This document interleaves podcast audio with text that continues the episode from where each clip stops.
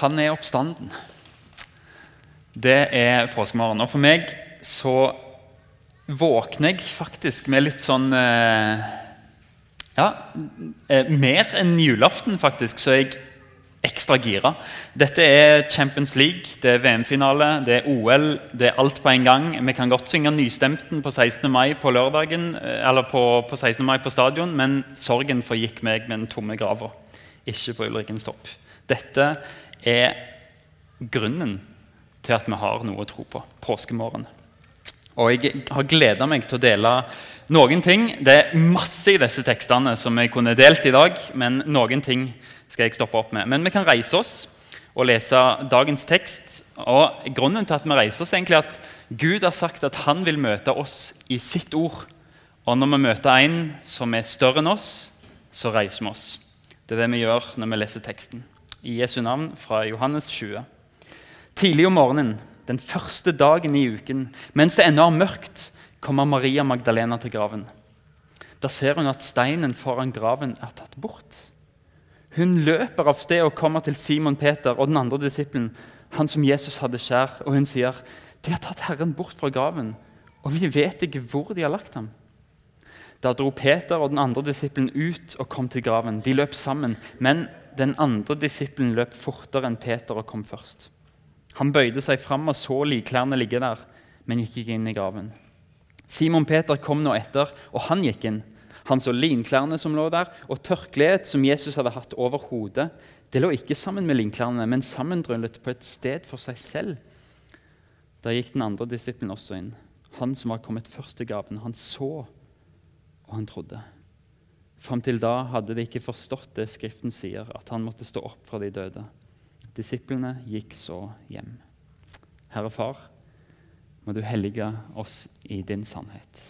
Ditt ord er din sannhet, Herre Far. Amen. Det er alltid et privilegium å få tale. Påskemorgen. Det er frigjøringsdagen for oss kristne. Og Ut fra dagens tekst så er det tre ting jeg har lyst til å løfte fram. Det kunne vært veldig mye mer, men tre ting. For det første, oppstandelsen er en historisk sannhet. For det andre, spørsmålet hvorfor måtte Jesus stå opp? Og for det tredje, hva vil det si å være en oppstandelseskristen? For det første, Oppstandelsen er en historisk sannhet. og det, det er liten tvil hvis du spør historikere, om at det som skjedde i påsken, det var helt spesielt. Mange sier det må ha vært ei tom grav. Uansett hvordan du forklarer den tomme grava, så skjedde det så mye spesielt at det må ha vært ei tom grav. Alle kilder tilsier det, og bevisene for oppstandelsen for meg er de overbevisende. Så overbevisende sier Bibelen sjøl at, at Gud sier i Bibelen at jeg har bekrefta Jesus å være Messias. Jeg har bekrefta Jesus å være Guds sønn. Og beviset, det er oppstandelsen. Da tenker jeg, Når Gud sier det, så må vi ha lov til å se nærmere på oppstandelsen for å se er det et så bra bevis som Bibelen faktisk gir inntrykk av. Og Det finnes mange stier en kan ta når en skal snakke om oppstandelsen som historisk sannhet. Jeg vil oppmuntre deg til å grave i det sjøl. Det fins masse bra på nett, artikler og bøker. i det hele tatt. Og Det er rett og slett trosstyrkende å se. Men vi skal prøve å holde oss til dagens tekst. Og Det er flere momenter der vi kan stoppe opp med. For det første Maria Magdalena som kronvitne. Maria Magdalena som var for det første kvinne og ikke regna som et verdig vitne i en rettssak. Som hadde vært urein, fullt av onde ånder. Syv stykker som Jesus hadde drevet ut fra henne. Hvis Johannes skulle skrevet dette og funnet det på, så ville han aldri satt Maria som kronvitne. Fordi det var ikke et gyldig vitne i den konteksten. Men allikevel så er det hun som er vitne til korsfestelsen, leser vi i Markus 15. Hun er vitne til begravelsen. Hun er der når de ser de tar en død kropp ned fra korset og legger en død kropp inn i grava og stenger med en stein og forsegler. Hun er vitne til det. Og så er det hun som også er vitne til oppstandelsen. Hun så Jesus dø, hun så Jesus begrave. Og så er det vitnet som sier ja, men jeg så et tom grav òg. Maria vitner for meg om at dette er sant. Og så er det detaljene da, i den teksten som egentlig ikke gir så mye mening. Hvis du skal fortelle om oppstandelsen, så, så skryter du ikke over 'jeg sprang fortere enn Peter'. Hvis Jesus er stått opp, så er det ikke så veldig, veldig viktig for deg å si at 'men jeg kom først til grava, jeg sprang fortere enn Peter'. Det er sånne detaljer der Johannes skriver 'jeg gikk ikke inn, jeg stoppa'. Så kom Peter, han gikk inn, og han så. Og så forklarer de hvordan lå linklærne her. Det er et øyenvitne som forteller. Det er en som har så mange detaljer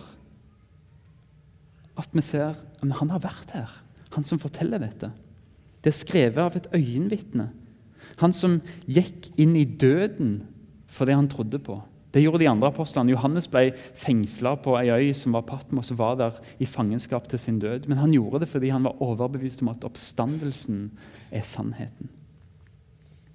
Og så er det øyenvitner. Det, det, står faktisk tre forskjellige ord for å se. Vi ser at Peter så, Johannes så og Johannes så, står det i våre bibler. Men på grunnteksten så ser vi at Johannes kom, og han så utfor grava. Og Da bruker de ordet 'se' og notere seg fakta. Han, han så at oi, her er en stein som er rulla vekk. Her er en åpen grav. Det er ingen som er inni, så langt jeg kan se. Og Så noterte han seg disse tingene. Og Så står det at Peter kom, og han, han teoreo. Han studerte. Teoreo. Vi har det i teater, vi har det i teori. Det var det Peter gjorde. Han gikk inn, han. Og så er det det ordet de bruker når de skal se og, og, og, og å fange et spektakulært syn. På gresk så bruker de det ordet teoreo. Og Peter står der og ser nøye, som om han er på et teater. Hva skjer her nå? Hva er historien her nå? Han står i grava, så ser han der ligger linklena. Men hodetørkleet er fint sammenbretta der. Der skulle Jesus ligge. Og Så ser han kanskje lenger inn i grava, i jødiske graver, der det var først et kammer der de la kroppen på oss og salva kroppen. Og så lenger inne der beinkistene. Når, når kroppen var for godt og råtna, så la de beina i kista inn i nisjer. Og kanskje så han inn der. Ingenting. Det er helt tomt der. Og så står det at Johannes kom inn igjen, og han så. Og denne gangen bruker Johannes et ord der han kjente. Han huska det som var blitt sagt. Han forsto og Johannes trodde. Han la sammen én og én, og så sa han her må Jesus ha stått opp. Dette er øyenvitner som ikke bare så og sprang videre. De, de stoppet opp, og de registrerte. Og de noterte ned det de så seinere. Sånn så det ut. Sånn og sånn. Det er øyenvitner som skriver dette. Og historien at det er historisk at Jesus sto opp. Mange vil si at ja, men, men, men jødene tok han. Flytta han til en plass der ingen skulle være mulig å tilbe han, men, men de ville vel kanskje presentert liket og sagt 'her i grava' når Jesusbevegelsen begynte å vokse. Og Det samme ville romerne gjort. Og Hvis det var gravrøvere, så ville ikke linklena ligget fint sammenbretta. Men Johannes skriver som om han sier at det er ingen annen mulighet. Hvis du leser teksten på gresk, så, så kan det Jeg sier ikke at dette er helt sikkert, men, men det kan synes ut som om at Jesus var surra inn i disse linklærne. Og det kan se ut som om det Johannes mener, at, at det som var inni der, er bare forsvunnet. Og at det bare sunket sammen. At de lå der fortsatt sammenrulla. Det var ingen som var kommet og surra det ut, sånn som de måtte gjøre med Lasarus. Når han kom ut av grava, så måtte de surre vekk linklærne. Men, men hos Jesus var det bare sunket sammen. Og den ansiktskluten som lå fint sammenrulla på et annet sted, det var mange mange at det var brukt for at i, i dag, Jeg har jobba i begravelsesbyrå, og vi har en sånn bøyle som vi setter på folk som, som, dør, for at det ikke skal måpe, eller at munnen skal dette åpen, men for at det skal se roligere ut. Og De mente at det kledet er bundet fast under haka og på toppen av hodet for at munnen ikke skal åpne seg, at det skal se mer fredelig ut. Men idet Jesus som han gikk gjennom åpne dører etterpå, bare kommer gjennom linklenet, så rulles det opp og legger seg på baksida av linkledet. Det Johannes beskriver, det kan se ut som om Jesus bare har kroppen har gått ut av linklærne, og så ligger de der fint sammenrulla ennå. Og så sier Johannes det er ikke gravrøvere. Du får ikke ut en kropp på den måten. Jesus har bare gått gjennom som han gikk gjennom dører seinere. Det sier noe om Jesu oppstandelseskropp, at han bare kan gå gjennom grava. Graven ble ikke åpna for å slippe Jesus ut, den ble åpna for å slippe oss inn og for å se at det er tomt. Og I det videre så leser vi om Maria som får møte Jesus, om disiplene, om Thomas. Alt med detaljer som ingen andre enn øyenvitner kunne vite om. Oppstandelsen er en av hendelsene i Jesu liv som er sterkest dokumentert i Bibelen. Og Med, med, med øyenvitnens beskrivelser, med teologiske begrunnelser og med omstendigheter som ikke kan forklares på en annen måte enn at Jesus må ha stått opp. Hele Johannes' evangelium kan leses en, som en lang argumentasjon der Johannes sier Jesus er Gud. Og så er kronbeviset hans han sto opp fra de døde. Gjennom hele tida viser Johannes med mirakler og med tegn og under at Jesus er Gud. Og så kommer det endelige beviset. Han sto opp fra de døde. Han er livets opphavsmann. Og De første kristne de ville ikke engang altså Vi hører aldri de snakke om grava til Jesus. De går ikke til grava og samles der. De samles i tempelet der Guds nærvær skulle være. Fordi de tilber en levende Gud. Derfor vet vi ikke helt sikkert hvor grava er. Vi har to forslag i Jerusalem i dag, men for oss er det ikke nødvendig heller. Fordi vi har en levende Jesus. Oppstandelsen er en historisk sannhet.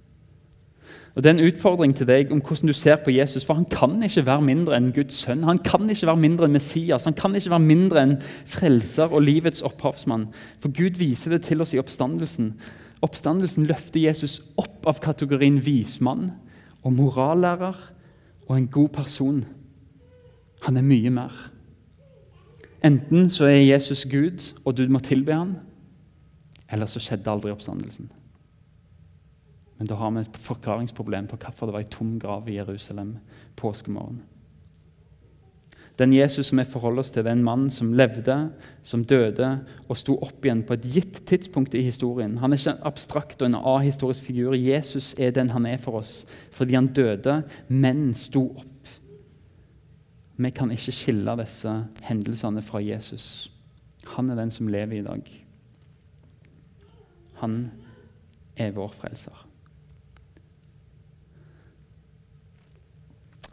historisk oppstandelse. Vi kan tro på det. Vi har øyenvitner. Vi har omstendelige bevis.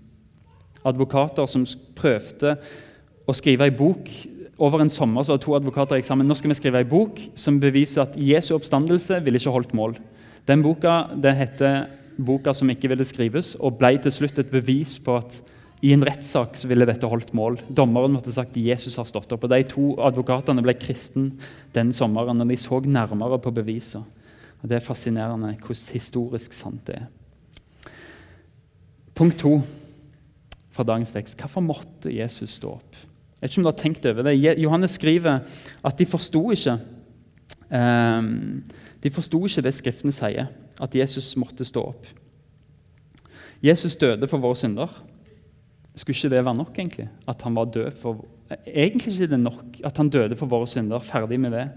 Måtte han egentlig stå opp igjen? Det hender at jeg får ei pakke på døra, og så sier postmannen du må signere. Fordi at bedriften som sendte på deg pakken, vil vite at det har kommet fram til rett person. Og Sånn er det òg med Jesu oppstandelse. Du får en gave, men så er det Gud som signerer på frelsen. Han signerer med oppstandelsen. Det er et bevis på at synden er betalt. Jesus sa at han skulle dø som en løsepenge for synder. Og så kan vi vite at den betalingen gikk gjennom fordi Gud signerte med å reise Jesus opp fra de døde. For hvis det ikke er en oppstandelse, så er det heller ingen frelse. Vi leser fra Romerne 4, vers 25, om Jesus, han som ble overgitt til døden for våre synder, og oppreist for at vi skulle bli rettferdige. Noter oss relasjonen der mellom oppstandelsen og rettferdiggjørelsen. Jesus frelser oss med sin død, men han kan bare frelse oss fordi han lever, og fordi han drar oss til seg. Og fordi han gir oss troen. Uten at Jesus lever, så er det bare oppspinn. Oppstandelsen en Gud som signerer på at Jesu død, det er nok. Og så signerer han på det ved å reise Jesus opp fra de døde. Men kunne ikke, kunne ikke Gud bare ropt ned fra himmelen, sånn som han gjorde med Jesu dåp? Ropt ned til, til jorda og sagt det er greit, det er nok, det er betalt. Så kunne evangelistene skrevet det i Bibelen, og så skulle vi trodd at dette var nok, og Jesus var død. Hadde tatt vår synd på seg og erfart vår død. Måtte Jesus stå opp? Jeg håper du er klar for et litt dypere svar. Skjerpe tankene. Måtte Jesus stå opp? Vi lærer av Bibelen at konsekvensen av synd er død. Syndens lønn er døden. Og så ser vi at oppstandelsen viser konsekvensen av frelsen. Oppstandelse, evig liv. Synd, det er å velge vekk Gud. Velge vekk livets opphavsmann. Derfor vil synd føre til død. Eller synd har ført til død. Åndelig død. Det var en som sa synd det er åndelig selvmord. Det er som å sage av en grein fra livskilden. Det vil bli død. Frukter av det er død. Syndens lønn er Bibelen, sier Paulus. Og vi liker ikke å snakke om det. Vi liker ikke å snakke om død. Men når du tenker over det, så er det jo mest naturlige i hele verden. Men det ligger så djupt i oss at død og synd er fremmed. Iallfall kjenner jeg det sånn at det tilhører ikke her. Det er noe, noe utenfor. Synd leder til død. Og død viser at synd er en realitet for oss. Døden er beviset på at det fins synd i verden, at vi har synda mot Gud. Men det er noe vi aldri er skapt til å erfare. Vi er skapt til å erfare liv sammen med Gud. Og Derfor vegrer vi oss i møte med død. Vi er ikke skapt for dette. Og Når vi ser sånn på døden, så begynner vi å se betydningen av oppstandelsen. Å reise Jesus opp fra de døde det var ikke et tilfeldig mirakel. Det har en mening. Døden Jesus døde, det var et resultat av min synd, av din synd. Men beviset på at den straffen ble betalt fullt og helt, er oppstandelse. Han får et nytt liv. Synden er knust. Døden er knust. Jesus er seierherre. Konsekvensene er blitt retta opp i. Derfor er oppstandelsen en visshet for oss. Den viser oss at det Jesus gjorde på korset, det er fullbrakt. Det er perfekt. Det er fullkomment. Det viser at Jesus gjorde det han sa han skulle gjøre, å gi sitt liv som en løsepenge for mange. Også for meg gå fri. Gaven er levert. Gud har signert med å vekke han opp fra de døde. Alt er klart. Ta imot. Jesus måtte stå opp for at vi skal ha visshet om at det han gjorde, det er nok. Det siste punktet hva vil det si å være en oppstandelseskristen? Hva vil det si å, å være en kristen etter oppstandelsen? Hva betyr det for oss i kristenlivet vårt? La meg prøve å svare på det med et uttrykk som kommer helt, helt først i dagens tekst. Maria kom til grava den første dagen i uka. Det er en ordstilling Johannes tror jeg helt bevisst bruker. Fordi det skjedde på en søndag, ja, men òg for å rykke oss tilbake igjen til første Mosebok. Og til de dagene der Gud skaper. Gud brukte seks dager på å skape, og så hvilte han på den syvende. Og han hvilte lenge fra det å skape nye ting. Ja, planter bar frø sånn Gud skapte det, og, og, og spredde seg. Og mennesker ble mange og formerte seg sånn Gud skapte det. Men, men han skaper noe nytt igjen for første gang. Påskemorgen. Da begynner Gud en ny skapelse. En ny den første dagen i uka når de fant grava tom, fordi Gud hadde skapt noe helt nytt. Hva skapte Gud denne dagen? Han skapte en ny kropp. Jesus var den samme, men det var noe nytt. Han ble ikke helt gjenkjent av disiplene. Det var noe nytt over Jesus. En tanke hvor fikk Jesus oppstandelsesklærne fra? Han ble korsfesta praktisk talt naken. Og linklærne lå igjen i grava. Og Det første han møter etter oppstandelsen, det er kvinner. Og Jeg tror det ville stått noe hvis han var naken. Det ville ikke sømme seg. Men jeg tror Gud skapte oppstandelsesklær til Jesus av ingenting. De var nyskapte. Kanskje er du overraska, men jeg tror du skal ha klær i himmelen. Men det er ikke de du blir begrava i. Du skal få slippe å pakke bagen. Og Vi har hørt sensasjonelle historier om mennesker som har vært klinisk døde, som er kommet tilbake igjen i live. De har uten unntak de samme arrene, de samme sårene, den samme problematiske fortida. De har den samme kroppen som de døde i. De har de samme lytene. Og om noen år så er de nødt til å dø en gang til. Det er annerledes med Jesus. Han har fått en ny kropp. En kropp som kunne gå gjennom vegger, gjennom linklær, gjennom låste dører. Et herlighetslegeme. Og det er den del av nyskapningen som Gud skaper. Ikke hvilken som helst del, men, men førstegrøden, sier Paulus førstegrøden som er en garanti for at nå kommer resten av høsten òg snart.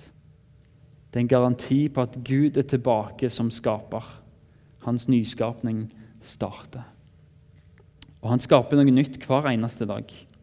Hver eneste gang et menneske starter å tro på Jesus, så skaper Gud nytt liv i den personen. Et oppstandelsesliv som lever enn så lenge side om side med et liv i oss som har veldig lett for å bli frista og lett for å falle. Men Gud skaper nytt liv. Og dette livet forvandler mennesker. Det er et liv som er tilgitt, som har tillit til Gud, og som har en kraft i Den hellige ånd til å tjene Gud med sine gaver. Et liv som hører hjemme på den nye jord og den nye himmelen. Et liv som hører hjemme i himmelen. Og Den som tror på Jesus, er den nye skapningen. Det merkes ikke alltid. For mens vi lever her på jord, så, så er det død og lidelse, og det er fristelser, og det er fall.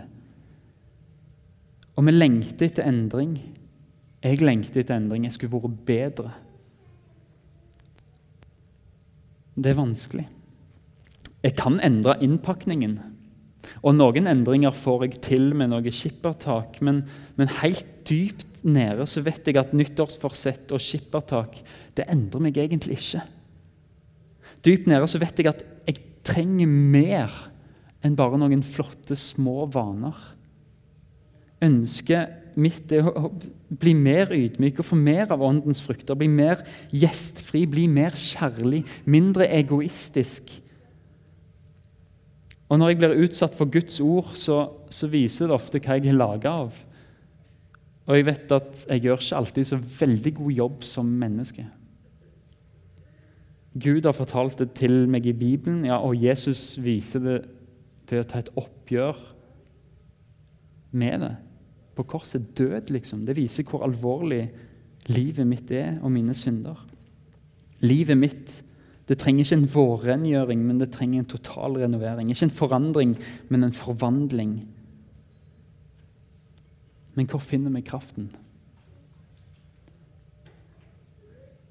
Vi finner det i at Jesus sto opp fra de døde.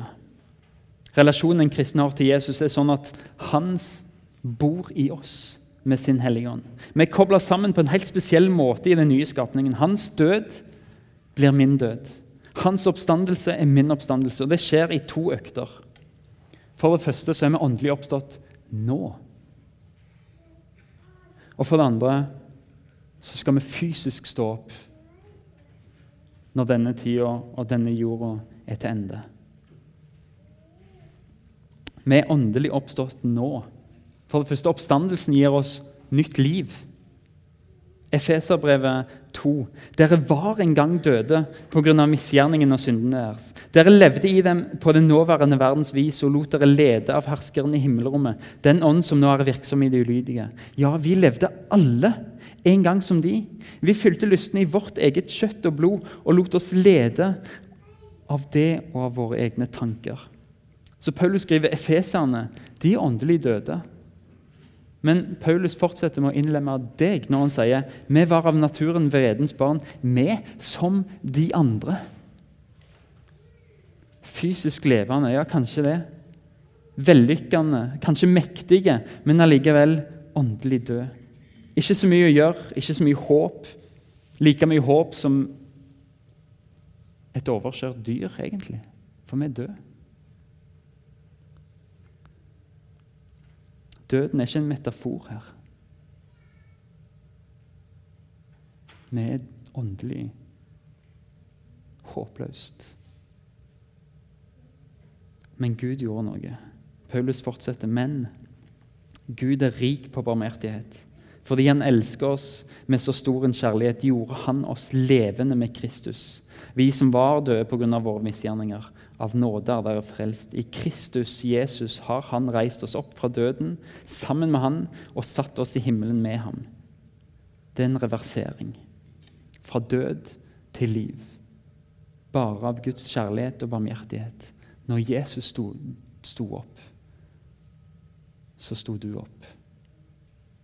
Det livet som var håpløst, det får håp. Nytt liv. Det gir nytt perspektiv. Når en ser at en har fått et nytt liv, så begynner ting å se litt annerledes ut. Hjertet fornyes, og tanken fornyes. Paulus skriver er dere da reist opp med Kristus, så søk det som er der oppe. Hvor Kristus sitter ved Guds høyre hånd. La sinnet være vendt mot det som er der oppe, ikke mot det som er på jorden. De, dere er jo døde, og deres liv er skjult med Kristus i Gud. Men når Kristus, deres liv, åpenbarer seg, da skal også dere bli åpenbart i herlighet sammen med Han. Søk det som er der oppe hvis dere er oppreist med Kristus.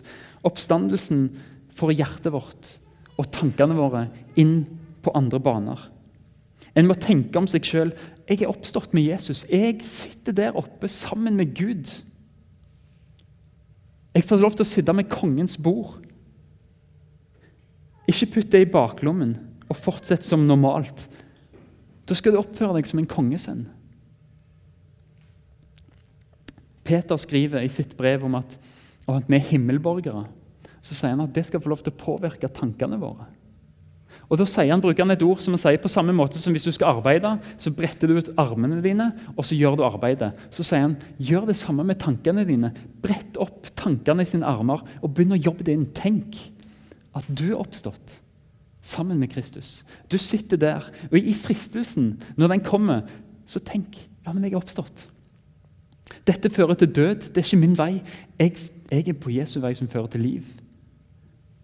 Og når fristelser kommer, og når fall skjer, så øv deg på å tenke bredt opp tankene sine armer. Så tenker du jeg lever med Kristus. Jeg ble korsfesta med han, men jeg har oppstått med han. Jeg hører til i himmelen. Dette er ikke en himmelborger verdig. Nye perspektiver, nye prioriteringer, nytt håp. Så vi får nytt liv, nytt perspektiv, og vi får en ny kraft. Kraften til det nye livet det kommer ikke innenfra. Den Gud som kaller oss til å leve annerledes, han gir oss også kraft ved, det, den hellige, ved Den hellige ånd. Og det er ikke hvilken som helst ånd som bor i oss.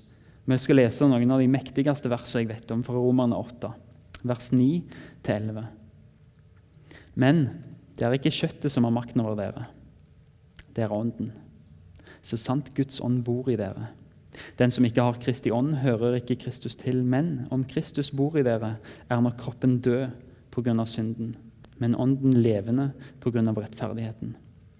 Han reiste Jesus opp fra de døde, og dersom Hans ånd bor i dere, skal Han som reiste Kristus opp fra de døde, også gi deres dødelige kropp liv ved sin ånd som bor i dere.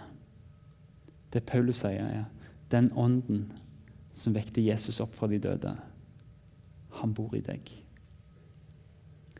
Du er langt ifra alene om å prøve å forandre ditt liv. Du har Den hellige ånd, som vekker Jesus opp, boende i deg. Han som kan gjøre død til liv. Han som kan Altså, når Jesus lå i grava Jeg vet ikke hvordan det har sett ut, jeg vet ikke hvordan det har fungert rent sånn medisinsk sett, eller noe sånt, men, men se for deg Den hellige ånd komme inn i grava. Til et hjerte som har slutta å pumpe. Til blod som har koagulert, til kropp som er blitt kald og som er blitt hvit, kanskje blå noen plasser. Og så kom Den hellige ånd. På samme måte som Gud blåste liv inn i Adam i skapelsen, så skjer det noe. Hjertet begynner å slå. Blodet begynner å flyte ut i organer. Varmen kommer kanskje tilbake. Hjertet fortsetter å pumpe. Kanskje ser du fargen i Jesu kropp komme tilbake. Organer begynner å fungere igjen, som har vært døde i tre dager. Og så trekker mennesket Jesus pusten igjen. Det er Den hellige ånds kraft. På samme måte som Gud puster ånd i Adam, så skjer det igjen når Gud skaper på ny. Den samme ånden har vi. Vi som var håpløse, har fått det livet ved Den hellige ånd. Gud skaper noe nytt i livet ditt. Det skjer nå. Den som har Kristus, har også Kristi ånd. Men han skal òg skape en ny himmel. Vi skal òg oppstå fysisk, ikke bare åndelig her på jord, men òg fysisk.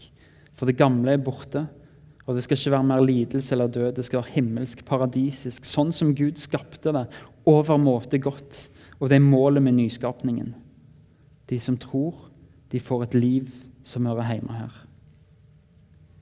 I den første skapelsen så begynte Gud med å skape en jord, et paradis, og så satte han mennesker der. Men i denne nyskapningen så begynner han med mennesket. Han begynner nå å skape et menneske, et liv i deg som hører hjemme i en himmel som han skal skape. Men han begynner med deg fordi han vil gjøre deg klar for en plass uten lidelse, uten død, uten gråt, med seier. Hvordan blir det en nyskapning? Gjennom evangeliet. Gjennom historien om hva Jesus gjorde for deg på skjærtorsdag og langfredag. Se på det. Sånn som Johannes. Registrer fakta fra evangelien. Hva skjedde egentlig? Og så Begynn å se på det som et spektakulært syn og se dette for meg. Legg sammen én og én og si Jesus døde for meg. Det betyr at jeg kan si til fristelsene du lever ikke for meg. Jesus sto opp for deg. Det betyr at du kan si når du faller ja, men jeg hører likevel hjemme i himmelen med en arv som ikke forgår. Se på det, tro på det, fordi Gud har vist det nok. Med å signere ved å reise Jesus opp fra de døde. Som en førstegrøde, som et bevis på at en gang skal du reises opp. Det er de historiske sannheter som vi finner i evangeliet. Det er de historiske sannhetene som skaper tro og tillit til Gud i hjertet. Se på det og grunn på det. Den nye skapelsen skjer allerede. Der Jesus kommer inn i livet, der hans liv får bli større og større, og vi avtar, og han vokser. En prosess som ikke slutter før denne jorda er borte, og det er kommet en ny. Og da skal døden miste sin makt, og livet skal vinne. Herre Far, jeg ber om at eh, du, Hellige Ånd, kan binde til hjertet de ordene som du vil at vi skal ha med oss herifra. Gi oss særbehandling, sånn som du vet vi trenger det. Herre Far, Takk for at vi har et håp å gå med. Et håp som forvandler absolutt alt. Et håp som gjør at vi kan løfte blikket og aldri rødme av skam. Et håp som gjør at vi vet at vi har et nytt liv Et håp som gir oss nytt perspektiv. Et håp som gjør at vi kan leve annerledes. Og et håp som gir oss fred og trygghet. Takk for at du møter oss sånn som du møtte disiplene etter oppstandelsen. Vi sier fred være med dere. Amen.